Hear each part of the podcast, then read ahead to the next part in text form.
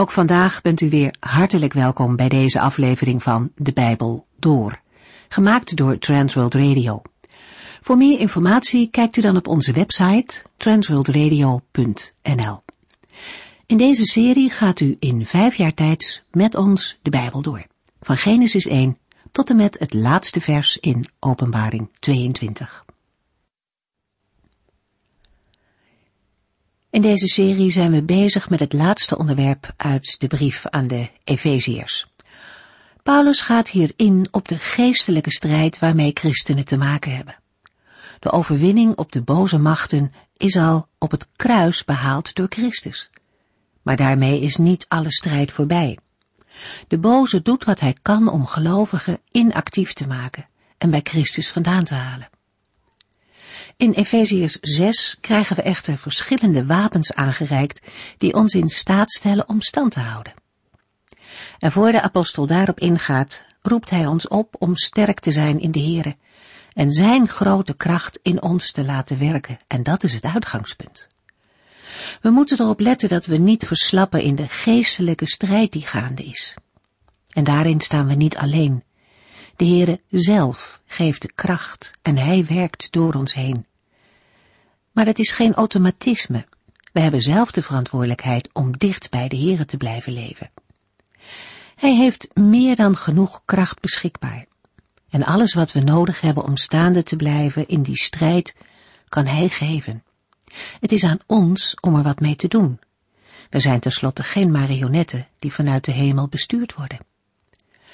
Bewapen u met alle wapens die God geeft, zegt Paulus. Het is een gebiedende wijs, een bevel dat om onmiddellijke actie vraagt. God stelt die wapens ter beschikking en mensen moeten ze gebruiken. Allemaal. Niet naar keuze het een wel en het ander niet. Dat leidt in de strijd alsnog tot levensgevaarlijke situaties. Want wie een helm of het zwaard laat liggen, loopt immers veel meer risico dan nodig is. Opvallend is dat de wapens die Paulus noemt allemaal verdedigingswapens zijn, behalve het zwaard. Het gaat om een harnas waarachter iemand van top tot teen veilig is. En dat geestelijke harnas biedt veiligheid tegen de slinkse verleidingen van de boze. Paulus geeft ook duidelijk aan dat de strijd niet tegen mensen is. Hij noemt vier groepen van geestelijke machten die onder leiding van de duivel de werkelijke vijanden van de gelovigen zijn. Er is een strijd gaande tussen licht en donker. En in Christus is de overwinning zeker. Maar het is nu nog geen tijd om rustig aan de kant van het strijdtoneel te gaan zitten. Vandaag lezen we verder over de wapens in Efeziër 6 vanaf vers 13. In Efeziër 6 worden de gelovigen opgeroepen om sterk te staan in de Here. Daartoe moeten zij zich bewapenen met de geestelijke wapenrusting, met al de wapens van God, om zich te kunnen verdedigen tegen de aanvallen van de vijand, de duivelse heersers en machten. In deze en ook de volgende uitzending gaan we dieper in op de wapens die de Heere geeft. Efeziërs 6 vers 13 Bewapen u dus met al Gods wapens, om u te kunnen verdedigen als de vijand aanvalt. Dan zult u na grote dingen te hebben gedaan, ongeslagen uit de strijd tevoorschijn komen. Vanwege de strijd tegen de boze machten moeten de gelovigen uitgerust zijn met al Gods wapens. De gebiedende wijs geeft aan dat de gelovigen deze opdracht direct moeten gehoorzamen. In de Griekse tekst zijn de werkwoorden staan, standhouden en weerstaan kenmerkend voor deze passage. Het gaat in de eerste plaats om een verdediging van een blijven staan in de positie die de gelovigen in Christus hebben ontvangen. Een thema dat ook op andere plaatsen in het Nieuwe Testament terugkomt. In Colossense 4 vers 12 lezen we, Epaphras laat u ook groeten. Hij hoort bij u en is een goed dienaar van Christus Jezus. Hij spant zich echt voor u in, door altijd vurig te bidden dat u sterke en volwassene gelovigen mag worden, die uitsluitend willen doen wat God van hen verlangt. Het standhouden van de gelovigen is ook voor de apostelen een bemoediging en een geruststelling. Paulus schrijft in 1 Thessalonicense 3 vers 6 tot en met 8. Nu is Timotheus net teruggekomen met het goede nieuws dat uw geloof en liefde niet verflauwd zijn. Hij vertelde ons ook dat u nog steeds met vreugde aan ons bezoek terugdenkt en even sterk naar ons verlangt als wij naar u. U zult wel begrijpen, broeders en zusters, wat een geruststelling uw geloof voor ons is, nu wij zoveel moeite en zorgen hebben. Wij kunnen alles verdragen, zolang we maar weten dat u zich niet van uw trouw aan de Heere laat afbrengen. We lezen in Jacobus 4 vers 7 een concrete aanmoediging tot standhouden in de geestelijke strijd. Jacobus schrijft, onderwerp u dus aan God, maar verzet u tegen de duivel, en hij zal van u wegvluchten. Al eerder lazen we een aantal verzen uit de eerste brief van Petrus. Nu in verband met een aansporing om alles in gebed bij de Here te brengen. 1 Petrus 5 vers 7 tot en met 11. Geef al uw zorgen en problemen over aan God, want Hij houdt van u en zorgt voor u. Maar ondanks dat moet u de situatie goed inzien en op uw hoede zijn voor de grote tegenstander, de duivel. Hij gaat rond als een brullende leeuw, op zoek naar een prooi om te verslinden. Sla zijn aanvallen af door vast op de Here te vertrouwen. Het is een hele troost te weten dat de christenen over de hele wereld hetzelfde moeten doormaken. Onze God is een en al ontferming. Hij heeft u allen geroepen om deel te hebben aan dezelfde eeuwige heerlijkheid als Christus.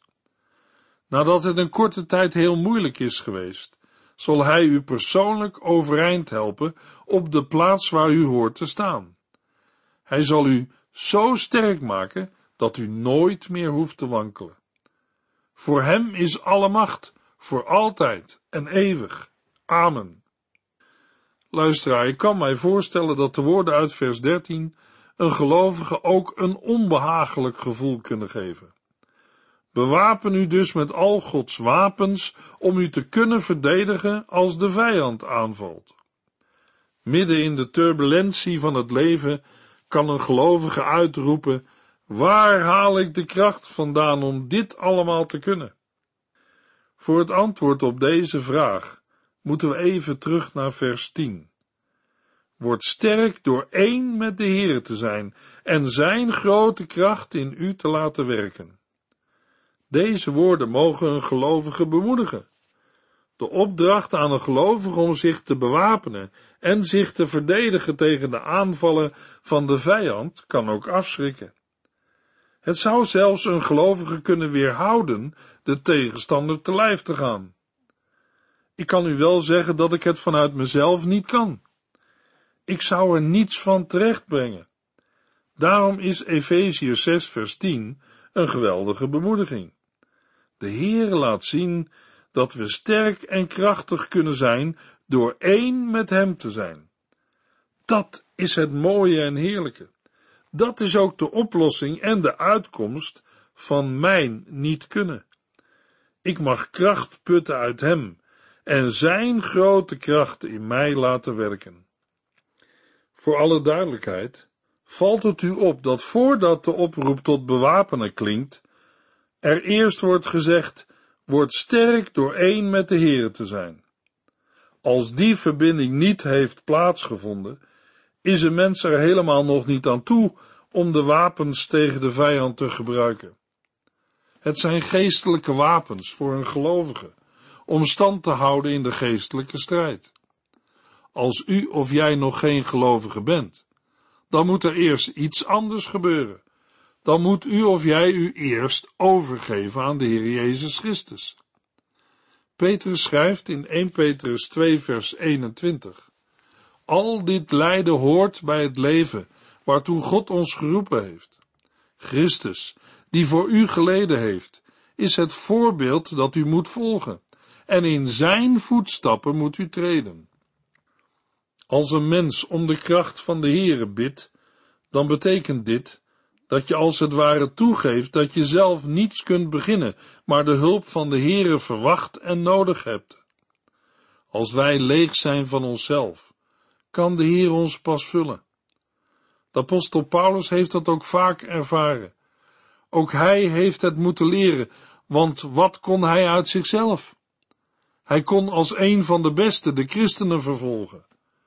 Toen moest hij radicaal worden veranderd. Daarom weet Paulus het ook zo goed. Hij schrijft in 2 Korintiërs 12 vers 9 en 10 Maar de Heere antwoordde telkens weer Mijn genade is genoeg voor u, want kracht ontplooit zich ten volle in zwakheid. Daarom durf ik mij toch op mijn zwakheden te beroemen, omdat dan de kracht van Christus in mij gezien kan worden. Daarom kan ik zelfs blij zijn over zwakheden, beledigingen, noodsituaties, vervolgingen en moeilijkheden, die ik ter wille van Christus moet verdragen. Want als ik zwak ben, ben ik pas sterk. De strik van Satan is dat hij het liefst wil dat gelovigen vol zijn van zichzelf. Dat wij denken dat we heel wat aankunnen en heel wat zijn. Gelukkig weet de Heere dat. Hij weet dat het nog een heel gevecht wordt om Satan te weerstaan, en juist daarom is het noodzakelijk om één met de Heere te zijn. De Heer Jezus zegt in Johannes 15 vers 5, want zonder mij kunnen jullie niets doen. In hem blijven heeft ook vooral met het gebedsleven van een gelovige te maken. Het gebed is als het ware de trap naar boven. Het kanaal waardoor zegen en kracht naar beneden stromen. Satan wil gelovigen juist afhouden van het gebed en bidden. Hij wil de verbindingslijn met boven verbreken, zodat een gelovige alleen op het slagveld staat, overgeleverd aan de vijand. Mogelijk merkt u het in uw eigen leven. Als je tijd met de Here wilt doorbrengen, bijvoorbeeld s morgens of op een ander tijdstip, dan komt er vaak iets tussen. Steeds is er weer iets anders, met het gevolg dat er soms kostbare tijd verloren gaat voor je bij de Here bent geweest. Word sterk door één met de Here te zijn. Maar, zal iemand vragen, als ik sterk mag zijn door één met de Here te zijn, heb ik dan nog een wapenrusting nodig? Blijkbaar wel, want anders had Paulus namens de Here nooit in vers 11 de opdracht gegeven, bewapen u met alle wapens die God ons geeft. De Heere weet wel dat gelovigen ook slordig en nalatig kunnen zijn. En daarom klinkt zijn bevel, bewapen u. Na een bevel moet er een daad van gehoorzaamheid volgen. Niets is er zo frustrerend als een soldaat die niet doet wat zijn commandant zegt. Met ongehoorzaamheid brengt hij zichzelf en zijn medesoldaten in gevaar. Hij is een prooi voor de vijand. Als een gelovige de wapens van de Heere niet aanneemt, dan is hij of zij te vergelijken met een strijder die zonder uitrusting op het slagveld staat. Dan kunnen er allerlei verschrikkelijke dingen gebeuren. Je wordt verslagen door de vijand, of onder de voet gelopen, of je gaat er vandoor, je deserteert. U zult begrijpen dat dit zeker niet de bedoeling van de Heer is. Juist daarom geeft hij een wapenrusting en het bevel om je te bewapenen. Trek de wapenrusting van de Heer aan. Dan zal de duivel met zijn slinkse streken u geen kwaad kunnen doen. De oproep in vers 11 wordt in vers 13 herhaald. Bewapen u dus met al Gods wapens om u te kunnen verdedigen als de vijand aanvalt. De apostel drukt daarmee uit dat het belangrijk is om de wapenrusting van de Heer aan te trekken. De Heere geeft deze uitrusting als een geschenk aan al zijn kinderen, om u te kunnen verdedigen als de vijand aanvalt. De laatste woorden, als de vijand aanvalt, wordt in andere vertalingen weergegeven als de boze dag. Zo'n boze dag kan voor iedere gelovige verschillend zijn, maar kan ook in bepaalde perioden voor iedereen gelijk zijn. Wat zou een boze dag kunnen zijn? De vijand kan boosheid in je hart doen opkomen over iets dat gebeurt. Je bent kwaad geworden op iemand anders. Dat kan helemaal uit de hand lopen en escaleren, wat uiteindelijk tot verwijdering en verbreking van een vriendschap kan leiden. Een kleine boze dag die tot een grote boze dag is geworden. Als ik aan zo'n situatie denk uit mijn eigen leven, dan moet ik zeggen, ik zat toen toch fout, ondanks dat ik gelijk had. Weet u waarom? Ik liet de boosheid toe in mijn hart. Ik bracht het niet bij de Heer, ik ben er zelf mee aan het prutsen gegaan. En dan gaat het fout. Dan ben je niet één met de Heer en niet in zijn liefde. En voordat het dan samen is uitgepraat, opgelost en vergeven en vergeten, moet ik nog heel wat leren.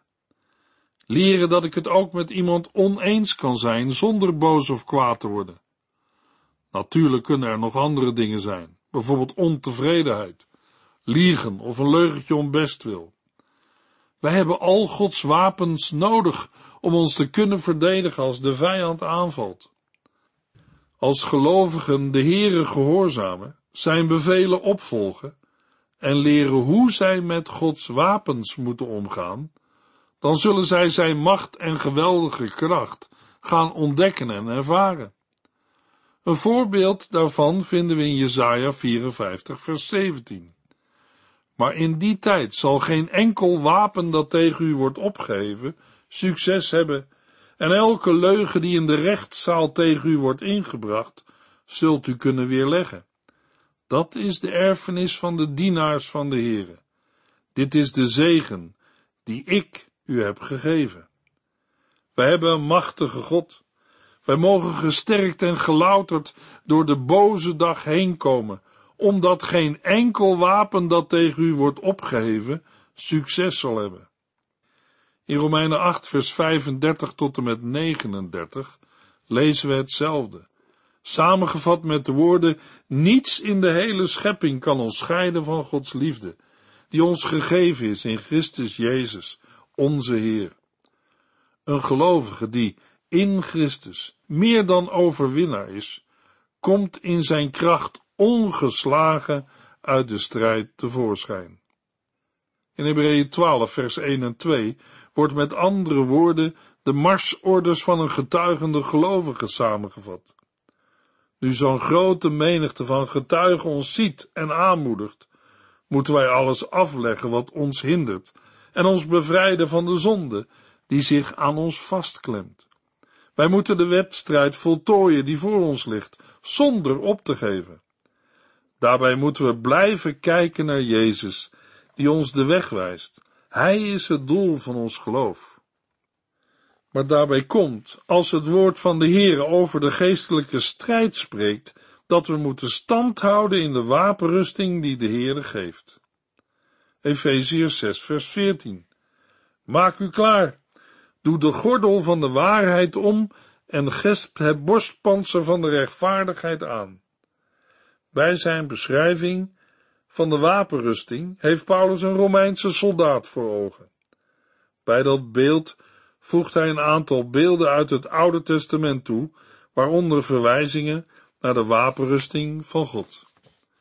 In de kleding van die tijd hield de gordel elk ander deel van het tuniek van een soldaat op zijn plaats. De gordel was een essentieel onderdeel. Maak u klaar. Het wordt in het Grieks weergegeven met de woorden omgord uw lendenen.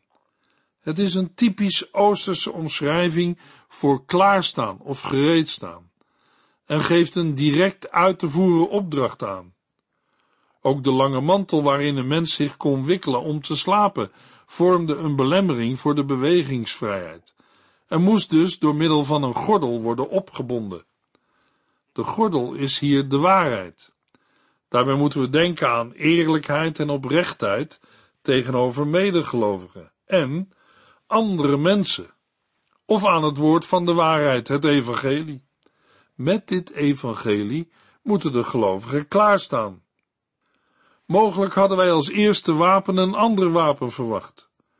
Maar de waarheid is een prachtig verdedigingswapen tegen de leugens en slinkse streken van de duivel. Tegenover de verleidingen en leugens van Satan klinkt de waarheid van het evangelie en Gods belofte. Uit het eerste wapen blijkt al direct dat de wapens van de Heere heel anders zijn dan wij denken. Voor een gelovige is waarheid iets wat we zelf moeten zijn. Waar zijn tegenover jezelf, anderen en tegenover de Heere. Met het kleinste leugentje geven we de duivel een kans. Door onze schuld te beleiden en de Heer om vergeving te vragen, maken we leugens krijgsgevangenen onder de heerschappij van Christus. Het mag voor een gelovige een hele bemoediging zijn dat de Heer Jezus zegt in Johannes 14 vers 6 dat Hij de weg, de waarheid en het leven is. Bij niemand anders is de waarheid te vinden dan alleen bij Hem. Maak u klaar, doe de gordel van de waarheid om en gesp het borstpanzer van de rechtvaardigheid aan. Het tweede deel van vers 14 gaat over het borstpanzer van de rechtvaardigheid. De uitdrukking is ontleend aan Jesaja 59 vers 17. Daar bekleedt de Heere zich met gerechtigheid als een panzer. Als Paulus de oorspronkelijke betekenis heeft willen bewaren, gaat het om de gerechtigheid die een gelovige moet doen, het goed behandelen. Een vergelijking met vers 17, waar gesproken wordt over de helm van de redding, geeft de mogelijkheid ook te denken aan de gerechtigheid die de Heere aan de gelovigen geeft. In beide gevallen gaat het uiteindelijk om het doen van gerechtigheid, het eerlijk en rechtvaardig zijn. Dat het gaat om het borstpanzer van de rechtvaardigheid, geeft aan dat er door de vijand bepaalde delen van het lichaam niet kunnen worden geraakt. Maar door de Heere, door Christus, op grond van zijn gerechtigheid, mag ik zonder vlek of rimpel zijn. Mijn strafblad, dat tegen mij getuigde, heeft hij verscheurd. Christus heeft het vernietigd door het aan het kruis te slaan. Een sterker borstpanzer dan wat Christus geeft, is er niet. Dat panzer is het tweede wapen dat de Heere geeft. Een gelovige mag gaan staan in dat recht, in de rechtvaardigheid van Christus. De Heere ziet mij in Christus, als had ik nooit zonde gehad of gedaan. In het begin hebben we gelezen dat een gelovige de duivel moet weerstaan. Jacobus schreef, onderwerp u dus aan God, maar verzet u tegen de duivel, en hij zal van u wegvluchten. Door het panzer van de rechtvaardigheid aan te trekken, kunnen zijn vurige pijlen ons niet verwonden. Ze ketsen af op het borstpanzer. Het panzer werkt ook als we gaan zingen over het reinigende bloed van Christus. Als we zingen over zijn vergeving die we hebben mogen ontvangen. En als u of jij niet kunt zingen, lees dan de teksten van de liederen hardop aan jezelf voor. In het woord rechtvaardigheid zit het woordje recht. Verschillende uitdrukkingen laten zien dat we het woordje ook in onze taal kennen. De rechte weg gaan, bewandel de rechte weg, enzovoort. Met het borstpanzer van de rechtvaardigheid blijft een gelovige op de weg van Christus. Als we toch dreigen af te buigen van Gods weg, zal de Heere waarschuwen, net als bij Jezaja, in Jesaja 30 vers 21.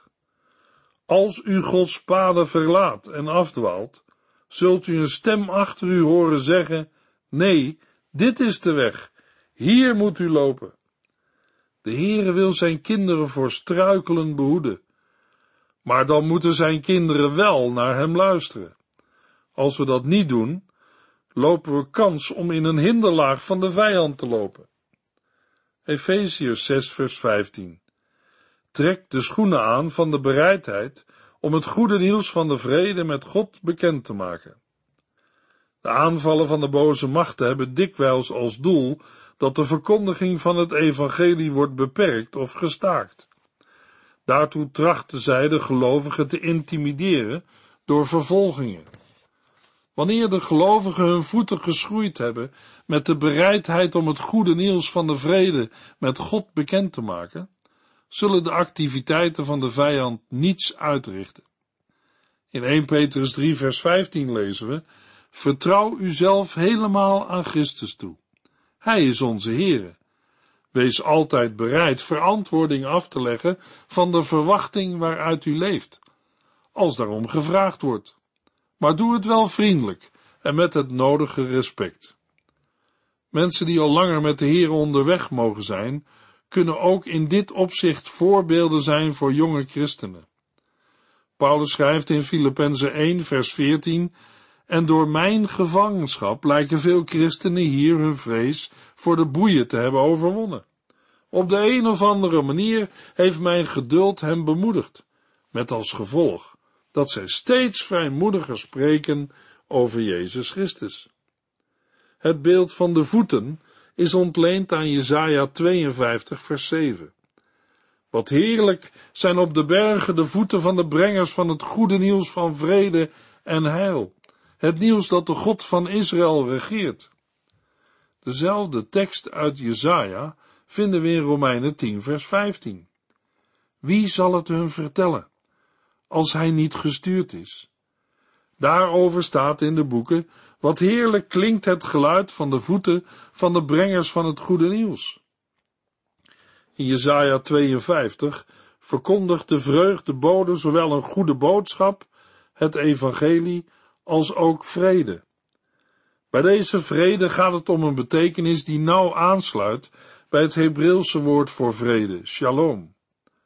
De boodschap wordt het goede nieuws van de vrede genoemd. Omdat in de eerste plaats de vrede tussen God en mensen is hersteld door Christus Jezus. En in de tweede plaats omdat in Christus de vijandschap tussen Jood en niet-Jood is weggenomen. Maar het gaat nog veel verder.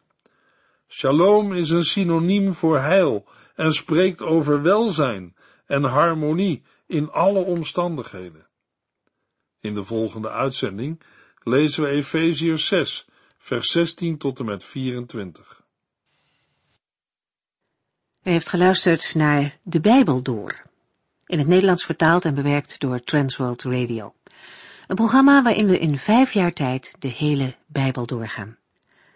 Als u wilt reageren op deze uitzending of u heeft vragen, dan kunt u contact met ons opnemen. Tijdens kantooruren kunt u bellen op 0342 47 8432. 0342 47 8432. Ook kunt u een e-mail sturen naar de transworldradio.nl en natuurlijk kunt u ook via de post ons bereiken. TWR, postbus 371, postcode 3770, AJ in Barneveld. Dit programma werd gepresenteerd door Cor Weda en Ike André. Techniek was in handen van Odin van Voerkom. En wij allemaal bedanken u voor het luisteren. Graag tot de volgende keer.